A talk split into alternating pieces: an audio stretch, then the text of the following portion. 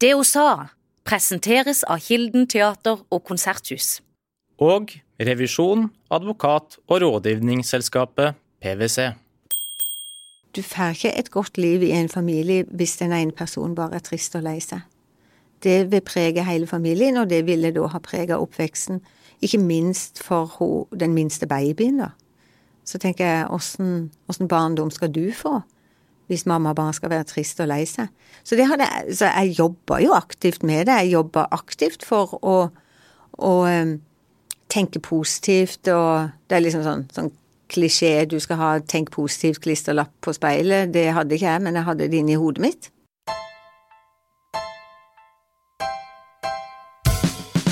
Dagens gjest er Ada Sofie Austegard, generalsekretær i Stine Sofies stiftelse. De driver bl.a. et senter for barn og familier som har opplevd vold eller overgrep. Etter at datteren Stine Sofie sammen med Lena ble drept i Baneheia i år 2000, har hun jobbet aktivt for å styrke rettighetene til voldsutsatte barn og pårørende. Ada Sofie Austegard, velkommen til det hun sa. Tusen takk. For ei uke siden så var jeg på besøk hos deg i Grimstad, på Stine Sofie Stiftelsens senter og fikk en liten innføring i hvordan dere jobber, og hva som er oppgaven eller målet deres. Det har jeg lyst til at vi skal komme tilbake til. Men før det så tenkte jeg at vi skulle spole tilbake til før drapene i Baneheia. Ja. Livet ditt da, hvordan så det ut? Du, det var et veldig sånn A4-liv. Det var det jeg hadde lyst på. Eh, jeg var jo hjemmeværende, for vi hadde jo da en liten baby, lille Janna. Um, og så hadde vi jo da eh, Stine og Kristoffer. Uh, jeg hadde vært alenemor i noen år, men så traff jeg jo da min uh, nåværende mann, og som òg er pappaen til Janna. Uh, bodde Grimstad, han jobba i kommunen. jeg syntes det var veldig fint å være hjemmeværende. og så hadde jeg liksom et ønske om å ha en sånn deltidsjobb. Gjerne på ei kantine eller noe sånt. Jeg så for meg at det kunne være gøy. Kunne jeg bake litt og og lage litt eh, pynt og lage litt liv til jul og til påske og til 17. mai og alt mulig sånt. Og så hadde jeg lyst til å gå på litt eh, lefsekurs og kanskje lære meg å sy noen nisser og holde på med litt håndarbeid. Så det var liksom eh, planen min for livet. Men sånn gikk det ikke, for livet ditt har jo vært så langt unna A4 som det kanskje går an. Så vet jeg at du ganske tidlig, etter disse forferdelige drapene, ganske tidlig så fikk du et bilde inni hodet av hva du kunne gjøre. Du sa til meg at rett og slett før begravelsen så hadde du begynt å tenke på at du kunne bygge opp en sånn type senter. Ja. Jeg har alltid vært veldig opptatt av det med, med overgrep mot barn, eller det vi på den tida kalte for incest. Um, og jeg møtte ei venninne når jeg gikk på folkehøgskole, eller ei jente som jeg gikk på folkehøgskole med, når jeg var 18 år. Eh, og hun hadde vært utsatt for incest, og det syntes jeg var veldig rart at det gikk an. Så jeg begynte å lese en del bøker om det, og så eh, hadde jeg jobba som ungdomsleder i Evje Hårnes kommune, og jeg var veldig opptatt av at dette måtte ungdommene lære mer om. Um, og så kom jo da Bente Bergseth, som uh, hovedvenninna mi uh, heter. Hun kom til Grimstad i forbindelse med begravelsen. Og vi hadde jo snakka mye om at uh, vi burde gjøre noe. Uh, og så sa hun at nå har vi faktisk sjansen til å gjøre noe. Um, og så tenkte jeg på det, og så hadde jeg jo ikke noen planer om jobb og sånn, for jeg hadde jo ikke kommet i en sånn søke... Jeg var ikke der ennå, for jeg ville jo være hjemmeværende litt. Og så begynte vi å snakke om det, og så før begravelsen så ble jeg altså Stine Sofies stiftelse etablert. Og, men det som er viktig for meg å si, det i utgangspunktet så hadde jeg veldig lyst til at den skulle hete Lena og Stine Sofies stiftelse. Så jeg snakka jo med, med, mammaen til Lena om det. Men hun hadde et veldig hjerte for uh, et uh, Haidon, et sykehus i, i, nede i Afrika. og hadde lyst til å heller gjøre noe for det. Så hun samla jo inn penger, så der er det jo en egen avdeling eh, som heter Lenas Ward. Og så er det et bibliotek i den landsbyen som heter Lenas Library. Eh, og det syns jeg var veldig fint, at hun hadde lyst til å engasjere seg i det. Så derfor så ble det bare Stine Sofies stiftelse. Og grunnen til at det heter akkurat det, det For vi tenkte jo at det skulle hete Stine Sofie Stiftelsen. Men da var det storebroren til Stine som var tolv, og han sa ja, men mamma, det er jo Stine Sofie sin. Og derfor så ble det mange s-er. Så det ble Stine Sofies stiftelse. Da du fikk denne ideen, eller da dere to hadde den samtalen, um, hvordan så du for deg at det kunne gjøres, og, og, hva var det som på en måte var Hva var det som var det viktige for deg da? Ja, vi hadde ikke så store tanker, annet enn at vi ønska å gjøre noe. Um, så jeg kan huske vi fikk jo låne et eh, Eller hun, Bente bodde jo i Oslo på den tida, så jeg satt jo alene. Jeg fikk låne et rom i et lite hus ved siden av rådhuset i Grimstad, og fikk jo meg en datamaskin og greier. Jeg hadde jo ikke peiling på hvordan jeg skulle skru den på engang. Um, nei, det var liksom å tenke hva kunne vi gjøre, da. Um, det var ikke sånn at det forelå noen store planer og vyer om hvordan dette her skulle være. Det var jo Vi hadde på en måte bare lyst til å gjøre noe, og, og det første det var jo det at vi syntes jo at uh, straffeutmålinga var for lav. Det var jo det, vi, det begynte med, egentlig. Um, og det var jo lenge før det var rettssak eller noen ting i, i vår sak. Uh, så jeg, jeg, jeg, kan ikke si at det var noe en sånn voldsomt uh, strategi eller det, var sånn at veien gikk til etter hvert som vi begynte å gå. Hjalp det deg i prosessen og i sorgen å ha en sånn konkret, meningsfull oppgave å jobbe med? Absolutt. Jeg fikk jo så fokus på hva jeg kunne gjøre. Uh, og jeg begynte jo å interessere meg for andre sine saker, andre som hadde fått barna sine drept. Og, og, det var jo noe av det første som vi fikk arrangert. Det var jo et seminar for pårørende av andre uh, av myrdede barn, da. Uh, sånn at jeg kunne møte andre. Og der fikk jeg jo god hjelp fra journalister til å, å komme i kontakt med dem. Mammaen til Tina, Torunn, var jo veldig inne i den prosessen, så jeg fikk jo jeg tok jo sjøl telefonen og fikk liksom kontakt, og, og, vi fant ut at her må vi kartlegge og se hva er det de egentlig opplevde. Og da fikk jeg jo høre at noen hadde jo ikke fått bistandsadvokat, noen hadde ikke fått plass i rettssaken, eh, for der var det fullt av journalister. Eh, så de ble henvist til å stå på ganga. Eh, noen fikk Mange fikk jo ikke dekka Eller de alle Ingen, rettere sagt, fikk jo dekka Eh, reiser, eksempel, så noen hadde ikke råd til å delta i sitt eget barns eh, rettssak. Eh, så det var sånn Og da, da, plutselig hadde vi mye å jobbe for. så det hadde vi jo på, på våren i 2001. og så starta vi òg arbeidet veldig tidlig med å lage en stor konsert i Fjæreheia i Grimstad. en sånn minnekonsert. Og da fikk Og da Jeg er jo ganske uredd Eh, og så jeg ringte jo til a-ha, og fikk jo deg med, og Bjørn Eidsvåg og Bentein Bårdsen, og ja, plutselig så ble det veldig stort, og så tenkte en jo dette må jo komme på TV, og da tok jeg kontakt med NRK. Hei, Einar Førde, skrev jeg i brevet. Der fikk jeg avslag, så da ringte jeg til Kåre Valbrokk. Og han syntes det var en kul idé, og plutselig så var det et stort innsamlingsprogram på TV og da var det hva skal vi samle inn til, og da var vi jo opptatt av det med etterforskning. Så vi fant ut at eh, vi hadde lest om at Kripos mangla et sånn eh, mikroskop. Og det kosta jo en halv million, så det var liksom målet å samle inn penger til det. Og det klarte vi. Det skal vel litt til å klare å finne den styrken i en sånn situasjon. Hvordan er du som, som klarer å få til det? Ja, det, det, er egentlig et litt vanskelig spørsmål. Jeg, jeg tror kanskje at du er jeg er vel kanskje født sånn. Um, jeg liker å ha det bra. Um, og jeg er en person som blir veldig engasjert. Uh, og når jeg blir veldig engasjert, så går jeg veldig inn i, inn i tingene.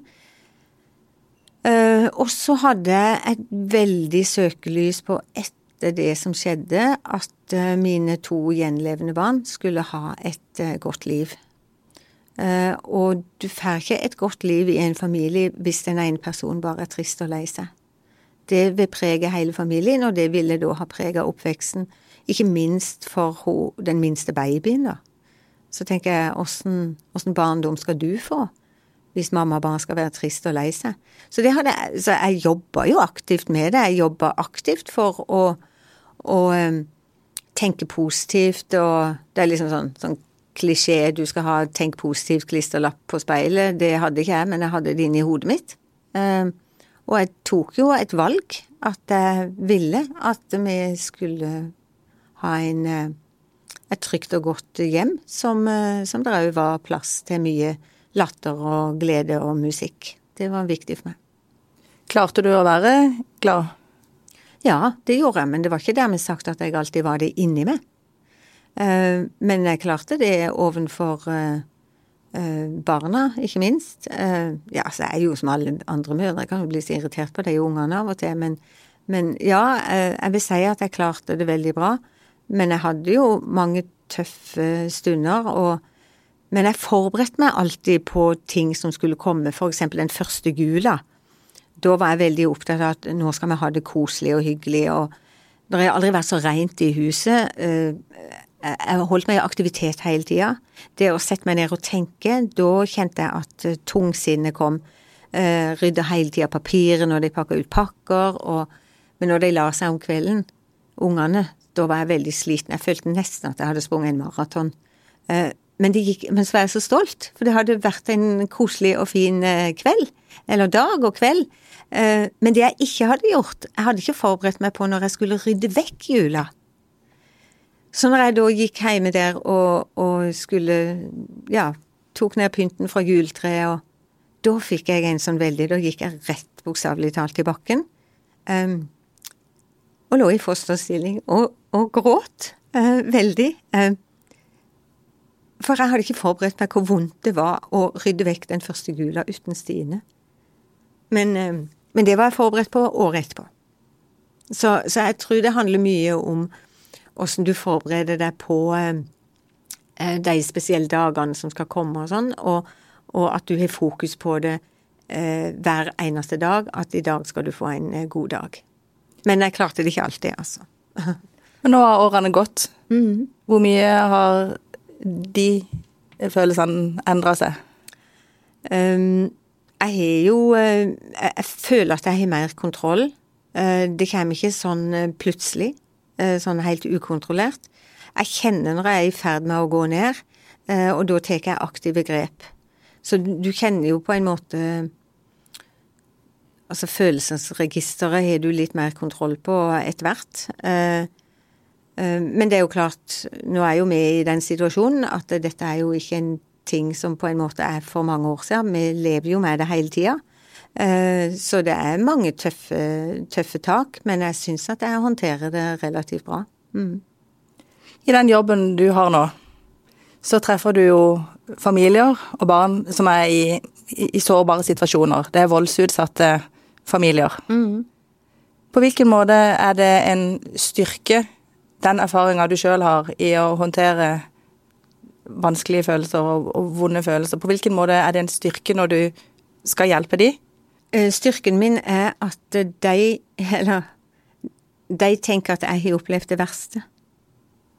Og det er egentlig en styrke du har i møte med folk som har opplevd uh, grusomme ting, men som har overlevd. Um, og jeg har ikke opplevd det verste. Eh, det er mange som har opplevd mye verre ting enn meg. Uh, og, uh, men det jeg ser som er styrken, det er det at de hører på hva jeg sier. Og da er det så viktig at jeg kan formidle at livet kan bli bra. Du må ta et aktivt valg. Og det er ikke alle som klarer det. Det er ikke alle som klarer å håndtere det på den måten jeg gjør. Men at det finnes mange gode hjelpeinstanser der ute som du kan få hjelp i. Men du må ta imot hjelp. Så jeg ser jo spesielt ungdommer, da, som jeg møter, så, så sitter ikke jeg på en måte sånn Uff, ja, så grusomt det du har opplevd. Jeg har mer fokus på hva tenker du om livet nå? Hva, hva ønsker du å bli? Um, uh, og det er jo noen som sier ja, jeg har lyst til å jobbe med mennesker. Ja, vet du hva? Det tror jeg du kan bli veldig bra til, fordi at du um, du kan så mye om den derre baksida av livet. Du har opplevd så mye dritt, så dette kan du bli kjempebra til. Men da må du først huske på at du må, du må bli ferdig med ditt. Du må kjenne at du er sterk nok til å klare å hjelpe andre. Og, og da merker jeg liksom Jeg merker en sånn derre eh, Nesten en litt sånn trass på at jeg skal få det bra. Eh, og jeg, møter jo folk som kommer tilbake igjen på reopphold, som har sagt at vet du hva, da, nå har jeg gått hver eneste dag på, på skolen. Og det er jo sånn Steike, så imponert jeg er. Så, så det der å Jeg tror at jeg kan heie eh, de, de, hører mer på meg når jeg heier på dem, enn kanskje noen som ikke har opplevd noe. Men når du har hatt et sånn møte mm. med noen som har vært på et opphold hos dere, og du kjenner at du har fått kontakt med den du snakker med, ja. kanskje en ungdom, kanskje noen som ikke har snakka så mye om det tidligere, og du kjenner når du får den kontakten, at du når frem, mm. og du ser at det skjer noe med dem. Hva, hva, hva, hvilken følelse har du når du går fra det møtet etterpå? Hva, hva gir det deg? Jeg, jeg får jo en sånn der uh, utrolig lykkefølelse, og så kjenner jeg på energi, og så kjenner jeg på viktigheten at Ada, nå er det viktig at du må ete sunt, nå må du trene litt, for denne jobben må du ha lenge, for dette gir deg så utrolig mye. Så, så, så er jeg sånn derre Steike, så gøy. Det er så gøy. Uh, og det er så godt. Uh, og det Så kanskje den kan hjelpe én person, eller den kan hjelpe 100 personer i løpet av et år. Det er akkurat det samme, men bare den følelsen av at du faktisk kan bidra til at noen kan få det bedre, det er, det er en gave. Det er engasjementet ditt. Mm. Det dabber ikke av? Nei, det har jeg tenkt på mange ganger. Så jeg tenkte nå begynner det vel å dabbe av. Det har vel kanskje vært uh, et par, tre, fire dager kanskje når jeg kom hjem fra jobb og sagt at åh, nå er jeg lei. Um, og det skyldes jo at da er jeg sliten, jeg jobber mye. Um, men det er jo bare til jeg har sett på nyhetene eller et debattprogram, eller eh, Så tenker jeg nei, vet du hva, det er så viktig det jeg holder på med. Eh, og så kjenner jeg energien og engasjementet tilbake igjen. Mm. Men når du har disse møtene, spør de deg òg om din historie? Ja, ja, ja. Jeg forteller min historie hver uke. Til alle voksne som er på senteret. Åssen er det? Det er veldig fint. Um, og grunnen til at jeg forteller det, det er jo fordi at jeg ønsker å formidle at uh, uh, selv om du opplever ting som er vanskelig og urettferdig, og du har kanskje ikke fått den hjelpa som du ønsker, så kommer du ingen vei med å være bitter og sitte i den hengemyra der. Du må reise deg. Du har en egenverd i at ditt liv betyr så mye for deg at du har det bra. At ikke bruk tid og energi på det, men tenk, bruk heller tid og energi på de barna som du har. Eh, det å ha en eh, fin hverdag eh, og ja, få et godt liv, rett og slett. Før jeg skulle treffe deg første gang som var på senteret, så kjente jeg faktisk sjøl på at jeg var litt sånn redd for å si noe feil. Jeg var redd for å si noe som kunne føles vondt for deg, eller liksom det er, så, det er så stort og vanskelig det der med, med Baneheia-saken, at, at, jeg kjente at jeg var redd for å si noe som du mm. ville synes var veldig ubehagelig. Mm. Og jeg vil tro at mange kjenner på det. Ikke bare når de treffer det, men når de treffer folk som har opplevd dramatiske ting i livet, som har mista noen som står de nær, om det er sykdom eller noe kriminelt mm. eller hva som helst. Um, hva vil du si til de som er redd for å gå og, og snakke med noen som har vært gjennom vanskelige ting? Nå kan jo ikke jeg snakke for alle, nå kan jo jeg bare snakke for meg sjøl, men, eh, men jeg har ingen problemer med det. Jeg, jeg tror aldri jeg er blitt fornærma. Jeg er blitt forbanna, men det er jo gjerne på journalister, da. Nettopp derfor. men, men eh, eh, altså vanlige folk, skulle jeg til å si, de Jeg har aldri fått et spørsmål som, som har gjort at jeg er blitt såra eller blitt uh, fornærma. Nei. Og, og eh, nå har jo vi fortsatt hvert eneste år, nå har vi jo hatt i, i, i 22 år, så har vi jo hatt seminar for eh, på foreldre av myrdede barn. Uh, og det er noe som jeg er veldig opptatt av å snakke om, det er det at vi har faktisk et ansvar, vi som sørgende òg. Eh, at eh, det er viktig at vi òg skal skjønne de som står utafor, og vanskelig de syns det er. Eh, jeg kan aldri få glemt jeg møtte ei som jeg kjente ikke så lenge etter at vi hadde mista Stine. Så kom hun liksom akkurat rundt et hjørne, så, og, og, så gikk hun rett på meg. Og så ble hun så perpleks, og så Så omfavna hun meg, og så begynte hun å hulkgrine. Hun var bare helt eh, Og klarte ikke å snakke, og så sto jo jeg og trøsta henne, da. Og så sa jeg det, det går bra. Eh, og så så jeg meg sjøl liksom sånn utenifra og ned, og så, så, ble det egentlig litt sånn komisk. Eh, og så bare eh, Ja, jeg må bare gå, sa hun, og så gikk hun. Og og da tenkte jeg stakkar, nå har hodet veldig vondt. Men for meg så tenkte jeg du viste så oppriktig medfølelse at det varma så utrolig. Mens noen kunne kanskje ha blitt fornærma. Akkurat tror du liksom at du har det vondere enn det jeg har. Men for meg så ble det sånn, vet du hva, det var et veldig fint øyeblikk. Um, og jeg har jo møtt henne etterpå, og da så hun ned, og da gikk jo jeg bort og sa tusen takk for den gode klemmen jeg fikk. Um, så det var veldig fint.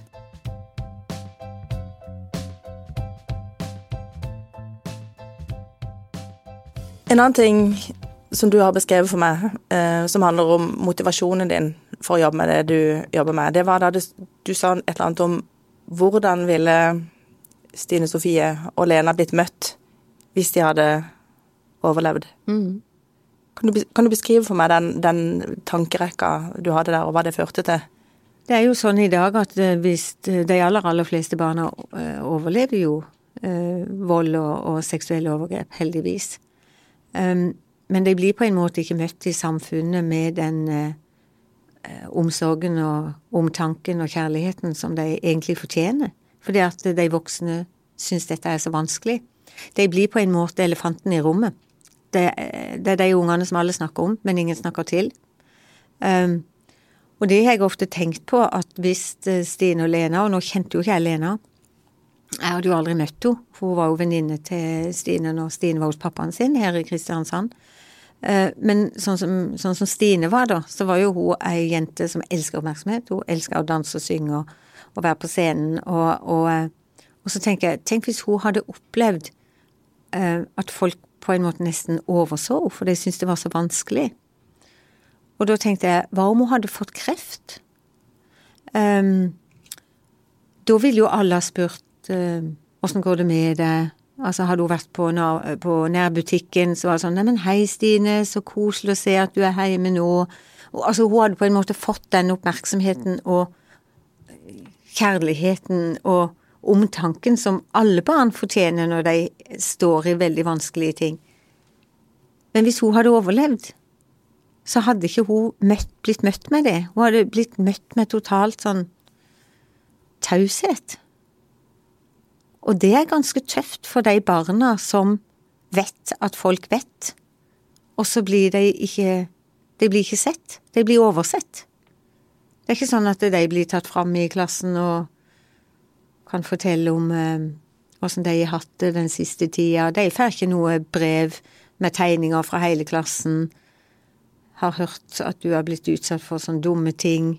Håper det går bra med deg. Husk vi er glad i deg. De får ikke den oppmerksomheten, men det får de hos oss. Um, så jeg skulle ønske at det voksne var mer Og det, og det gjelder jo òg voksne som kjenner til andre voksne som har vært utsatt for eksempel seksuelle overgrep, eller hatt en tøff barndom. Uh, du tør ikke snakke med, med deg om det engang. Så det er veldig sånn tabu. Jeg, jeg, jeg skjønner det ikke. Kan ikke du si litt om hvordan dere jobber med disse barna når de kommer til dere? Mm. Eh, vi betaler jo reise og opphold. Eh, det er de voldsutsatte barna som kan komme sammen med sine trygge omsorgspersoner. Det være seg biologisk foreldre eller fosterforeldre. De kan, de kan ha med søsken. Eh, ja, med den Vi har hatt ei alenemor med åtte barn, eksempel, på senteret hos oss. Og da blir de møtt av en fantastisk familiekontakt som da har en sånn inntakssamtale der vi snakker om eh, eh, hva som kommer til å skje i løpet av uka, der de forteller at eh, her kan du snakke om det som er skjedd, eller du kan la være. Men du skal vite det at av de, alle de barna som er her, så er de enten utsatt for vold eller overgrep, eller de er søsken til noen som er. Så fortell meg ikke noe mer det enn det. Men alle vi som jobber her, vet at du har vært utsatt for noe. Men eh, her skal vi ha det mye moro, vi skal lære ting. Eh, og så gjenger de gjennom ei uke med et eh, program på dagtid der det handler om mye leik, mye mestring. Vi skal ta dem i å lykkes den uka i å klare noe som ikke de har klart før. Du treffer jo mange med sterke historier. Tar du det med deg hjem? Ja, det gjør jeg absolutt. eh, Men jeg tar det med hjem og, det i, eh, og lagrer det i energibanken. Så det er ikke noe som tapper meg for energi. Det gir meg energi. Um, og jeg tenker, og der er jo jeg ganske hard, eh, kjenner jeg, for jeg er sånn at hvis, hvis du jobber med barn, eh, og eh, ikke minst barn som har det vanskelig, og hvis det da overskygger Hvis de historiene du får servert, hvis det overskygger den evnen du har til å levere, så bør du eh, bytte jobb. Um, for meg så gir det energi. Til verre historier jeg hører. Og vi har jo barn, hatt barn hos oss som har levd i det svarteste helvete. Um, og, um, og det gir meg i hvert fall energi. Har du noe sted, et, et trygt sted der du kan ta med deg og ta ut de tingene? Sånn som du på en måte kan sortere at her er det jobb, og være sterk der du må være sterk.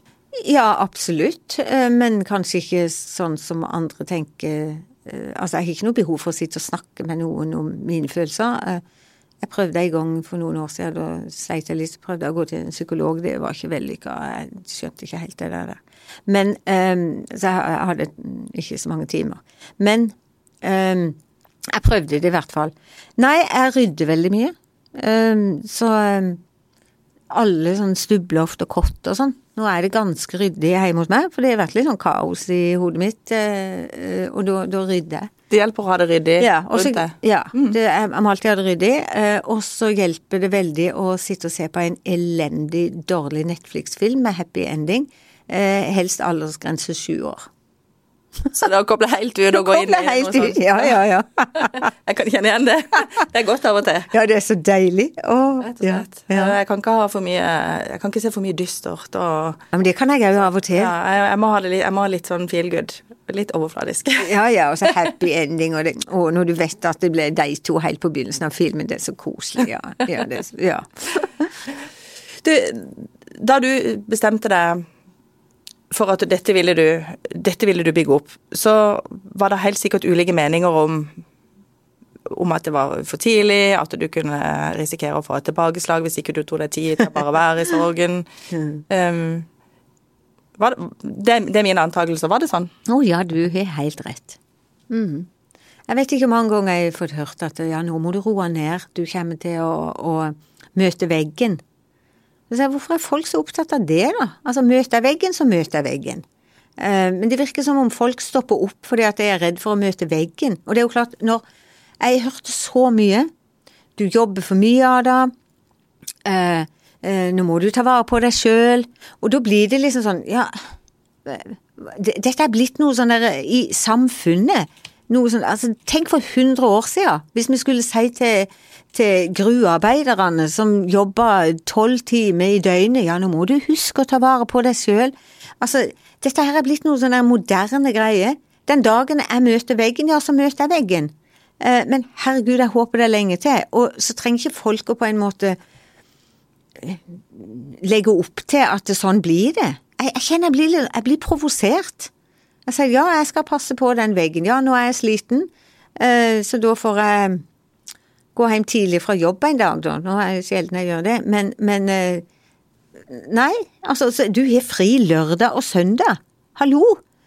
Det er ikke alltid jeg har fri lørdag og søndag, men ofte så har jeg det. Og da har jeg jo to dager å komme meg på, hvis jeg har vært sliten. Eh, Så jeg tenker, hva er problemet? Det, det er bare blitt litt sånn der eh, moderne greie, det der. Du er jo leder for 65, nei 60 Ja. ansatte. 62. 62 ansatte på senteret. Det er jo en stor arbeidsplass. Ho-ho. Ja. Har du de samme forventningene til de ansatte som du har til deg sjøl? Det er jo et problem. Det, eh, men det er jo derfor ikke jeg har noe særlig personalansvar, for å si det sånn. ja, jeg, jeg er Men jeg må holde meg unna sånne ting, eh, egentlig. fordi at jeg Jeg er ikke så god i sånn relasjon med, med eh, jeg, jeg, er nok litt eh, eh, Ja, jeg kan nok virke litt hard, altså, på det, men, men ja. Eh, jeg syns det er så vanskelig, fordi jeg tenker nå er det sikkert noen som er ansatt hos meg som hører på. Eh, jeg, jeg, må jo jeg må jobbe med det. Eh, det må jeg være ærlig på. Jeg må jobbe med å, å, å eh, tenke at alle er ikke som du. Alle er ikke som meg. Og det, det har jeg brukt god tid på, og jeg har jo veldig mange gode kollegaer som veileder meg der. Mm, det trenger jeg. Jeg snakka med Ann Kristin Olsen. Ja! i forkant av, av denne podkasten. Mm. Um, og hun er vel sitter i styret ditt. Ja. Og hun sa til meg at en av grunnene til at hun tror du har lykkes, er at du faktisk har ganske god selvinnsikt. At du er ganske flink på å se hva du er god til, hva du ikke er god til. Og så sa hun at du var flink til å delegere. Mm. Og hun mente at mange gründere de brenner seg litt på at de tror mm. de må gjøre allting sjøl. Ja. Men der mente hun at du faktisk var god. Så noe må du jo ha, må du ha lært av dette her. Ja, men, det, men, men, men jeg, har ikke, jeg, har jo ikke, lært at jeg skal delegere. Jeg har erfart at jeg må delegere. Eh, for jeg altså hadde det ikke vært for mine dyktige kollegaer, så hadde jo jeg aldri vært der jeg er i dag. Eh, dette her er ikke Ja, jeg har vært en pådriver, og jeg, jeg skal ikke si at ikke jeg skal ha æren for noe av det, men her er vi et team. Eh, og det er viktig. Og jeg er god på å delegere, det er jeg. Men du har ikke noen lederutdanning? Nei, det skulle jeg faktisk ønske jeg hadde hatt. Hmm. Jeg har jo ingen utdanning. Men det har ikke hindra deg, for du har verken noe utdanning innen ledelse eller organisasjon, og du har heller ikke noe utdanning innen juss. Men uh, der har du også bare ja. øver på egentlig ganske uh, ja, med friskt mod. Men juss handler jo ikke om uh, embetseksamen. Juss handler om sunn fornuft. Og det tror jeg er noen av de juristene som uh, jobber for å få en uh, god karakter på embetseksamen, uh, glemmer. Men på hvilken måte manner du deg opp, hvis jeg kan bruke det uttrykket, til å ta kontakt, til å si at vet du hva, her må det skje endringer? hvordan starta du, tror du, bare opp telefonen eller, og fant frem nummeret til Justisministeren. Ja, gjorde ja. det? Ja. ja hva, hva skjedde da? Nei, eh, og det, der kom det jo med det at i kraft av å være mor til, eh, som jeg har jo benytta rått, eh, for det har jo vært en døråpner, så folk har jo vært interessert i å møte meg. Og da har jeg tenkt at dette må jeg jo bruke på en riktig måte. Men det handler jo om at jeg hadde de gode eksemplene på hvor dårlig lovverket var. Men, men hva sier du da, når du, du, tar opp telefonen og så ringer du til justisministeren? Ja. Hva, hva sier du da? Sier hei, det er Ada Fjauska. Eh, nå har jeg sett eh, på en lovhjemmel som eh, ikke samsvarer med hva som er sunn fornuft. Eh, her må vi jo ha en endring. Her har jeg eksempler. Eh, så det begynte jo egentlig sånn. Og så endte jeg jo da opp med å bli ansatt av Justisdepartementet og jobbe i sånt lovutvalg bare sammen med sånne der eh, toppjurister og advokater, og, og, der satt jo jeg, da. Um, med den sunne fornuften. Og det trengte de.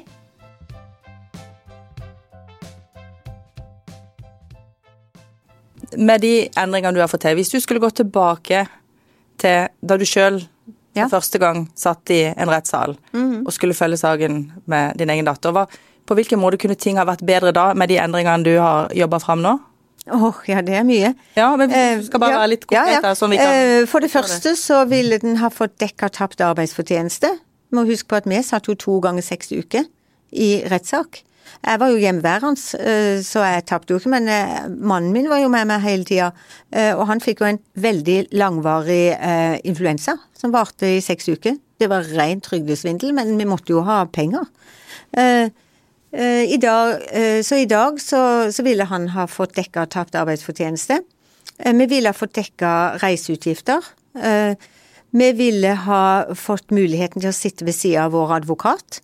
Eh, vi ville ha fått muligheten til å kunne stille spørsmål som advokaten kunne stille til vitner. Eh, og vi, kunne ha hatt, vi ville hatt muligheten til å ført vitner hvis vi mente at det var viktig for, eh, for saken. Det er bare noen få ting, da. Mm. Og det ville ha gjort opplevelsen helt, helt annerledes. annerledes. Ja. Sånn som nå, så var du gjest i Altså, du var ikke gjest engang, du var en ubuden gjest i ditt barns rettssaker. Og så kan du tenke deg sjøl, hvis du som voksen da blir utsatt for blind vold, sånn som det var før, så hadde du måttet sitte på ganga før. Uh, når gjerningstiltalte uh, da skulle forklare seg. Du hadde ikke hatt muligheten til å høre på det. I dag så vil du få muligheten til å høre på det, for du skulle ha forklart deg først. Så, så vi var jo på en måte ingenting. Og dette her må du se i et sånn historisk perspektiv. For det, altså intensjonen til staten Norge var jo bra når de innførte det norske rettsvesenet, for det var jo nå at nå skulle den store, sterke staten ivareta det svake offeret. Så nå kunne offeret da sitte hjemme og slikke sine sår, og så skal vi ordne opp. Men så er jo liksom verden gått litt videre, og vi er blitt moderne, eh, og det sier seg jo sjøl at i dag så vil du gjerne ha innblikk i hva det er som skjer. Eh, men vi fikk, ikke, vi fikk ikke tilgang til det før. Men i dag så gjør du det. Jeg hører når du snakker om det, at du får Ja, du, jeg kjenner får, det merker, Her er det mye engasjement. Ja. ja. Så, men det har skjedd mye positivt, og det er veldig viktig. Så det er ikke sånn at alt er svart. Men når vi begynte med den jobben, så ble jeg jo mer og mer overraska over det jeg så. Jeg tenkte er det mulig?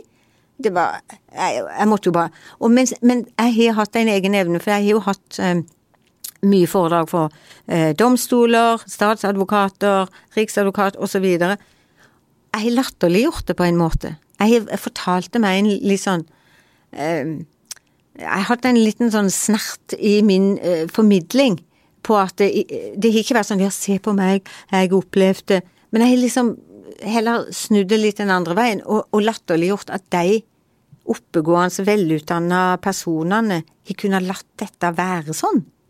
Uh, så det, det, ja, det har fungert? Det fungerte, ja. ja. Og, ja og, det, også, og, det, var jo en strategi, men samtidig så har det ikke vært en bevisst strategi. Det har vært Altså, det er min personlighet, på en måte.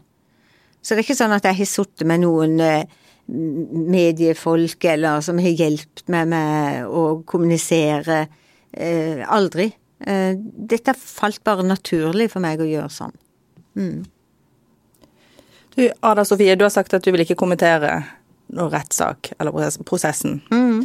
Eh, men det arbeidet du har gjort, eh, vil det gjøre at Eller gjør det at ting er lettere å håndtere nå? Nå spør jeg om det er rundt. Ja. Um, de endringene du har fått til, nyter du sjøl ja, ja. godt av de nå? Tenker, blir du ivaretatt bedre nå? Ja, ivaretatt, det kommer jo helt an på, men jeg har jo mye mer innsyn, eh, dokumentinnsyn, enn jeg ville hatt. Så det er jo rettigheter. Eh, men ivaretagelsen, den har jo vært fraværende fra dag én, og det er helt greit, jeg klarer meg sjøl, så jeg trenger ikke noe ivaretagelse. Men jeg syns jo det er litt moro, jeg må jo av og til sende litt sånn stikk til journalister, da, for det er jo under rettssakene så var det jo interessant, for de hadde jo tilgang på, på psykolog etter hver dag i retten, for det var så tøff belastning. Jeg har jo hørt at noen ble sjukmeldt, eh, for det var så tøft. Eh, og det er litt interessant, for vi måtte jo bare komme oss i bilen og kjøre hjem og hente i barnehagen og komme hjem og lage middag. Vi fikk aldri tilbud om noen ting. Og det syns jeg er litt sånn tragikomisk, egentlig. Så Men Men jeg klarer fint å håndtere det og, og ta vare på meg sjøl, og jeg er takknemlig for at eh, vi har fått de rettighetene vi har, sånn at du på en måte ikke skal føle at du sitter på utsida.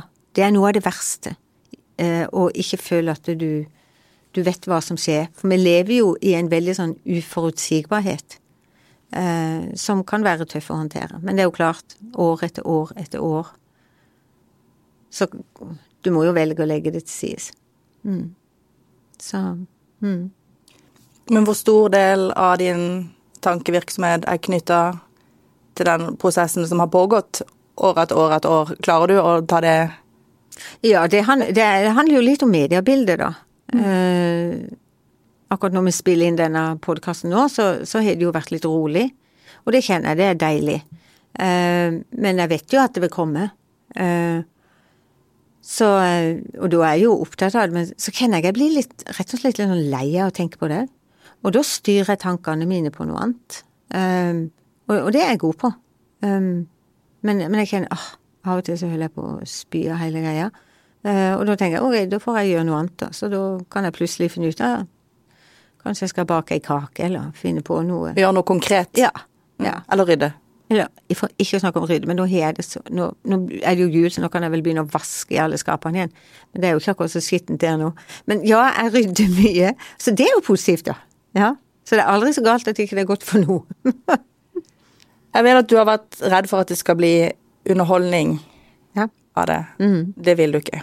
Nei, det er det blitt. Nok. Og du syns at det har blitt det. Ja. Kan jeg spørre deg om å si noe om det? Ja, det kan du. Uh, det er jo mange som er opptatt av saken, uh, og um, det har jeg full forståelse for. Men også er de opptatt av åssen jeg syns det er.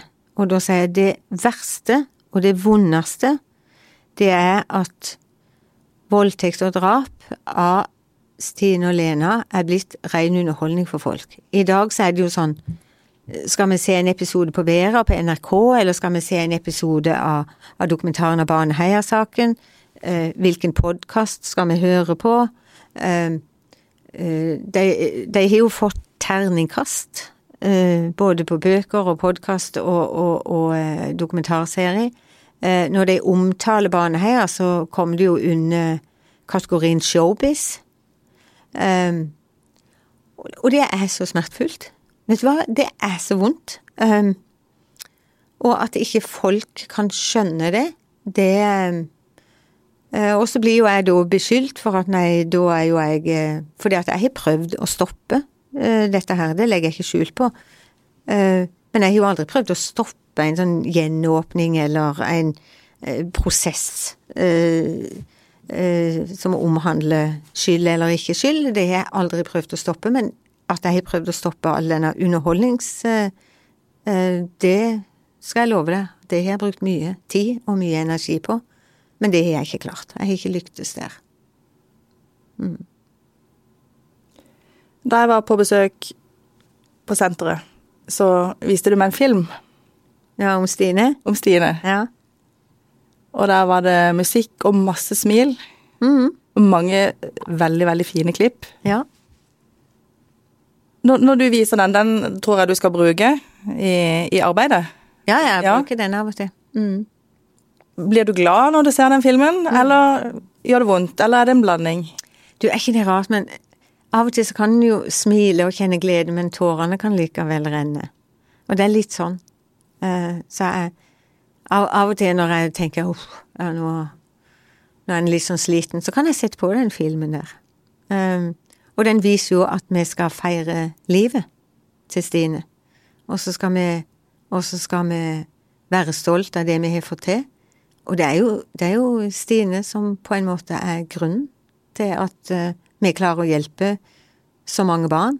Um, og at vi klarer å, å uh, undervise så mange fagpersoner. At vi klarer å sette søkelyset på vold og overgrep mot barn. Det er jo Stine som, eh, som er grunnen til det. Tenker du mye på hvordan livet deres og hos sitt ville vært i dag? Ja, ja, ja, klart det. Og det er jo rart, når du har mista noen, så blir de jo smartere og penere enn Altså, du kan ikke forestille deg det. Og Stine, hun var jo så langt framme, syns jo jeg, da. Uh, Uh, og hun, jeg kan huske spesielt på 16-årsdagen hun sin, så satt vi åt frokost, meg og, og Hans Christian, mannen min, og så sier jeg ja, jeg lurer på hvordan Stine hadde sett ut nå. Uh, så sier han ja, hun hadde nok vært så fin. Ja, og jeg ser for meg hun hadde lang og slank og hadde sikkert vært så flink på skolen og langt, mørkt hår og Og så begynte vi å le. Jeg er jo 1,50 høy, da, så sjansen var at hun skulle være så veldig lang og ja, Nei, det, det ble sånn det. Men, men, det er sånn, når du har mista noen, så blir de bare vakrere og vakrere. Eh, så vi kan ha det litt moro med de tankene, da. Men enten så hadde Stine vært ei jente som hadde rota rundt, eh, vært på fylla og hatt x antall kjærester og holdt på. Eh, eller så hadde hun vært en veldig sånn flink eh, jente. Jeg vet ikke hvor hun hadde vært. Eh, men hadde, det hadde vært veldig interessant. Eh, hun, eh, hun var jo en veldig spesiell jente, da. Syns jo jeg, så klart, som mamma. Men tenk hvis en kunne ha sett inn i ei kule og sett åssen hun hadde vært. Det hadde vært utrolig moro. Men det vet jeg at ikke jeg kan. Men jeg har mye gøyale tanker, og, og jeg kan kose meg med de tankene om åssen hun hadde vært nå. Men jeg har jo ei til jente, da som er 23 år, som er bare helt fantastisk. Så, så eh, jeg er jo mer opptatt av henne enn eh, en Stine. Hun er tross alt i live. Ada Sofie Austegard, tusen takk for at du ville komme til det hun sa. Tusen takk for at jeg fikk lov til å komme. Du har hørt på Det hun sa av Ferdelandsvennen. Følg oss på Instagram og meld deg inn i Facebook-gruppen vår. Der kan du foreslå en gjest du har lyst til å høre i neste episode.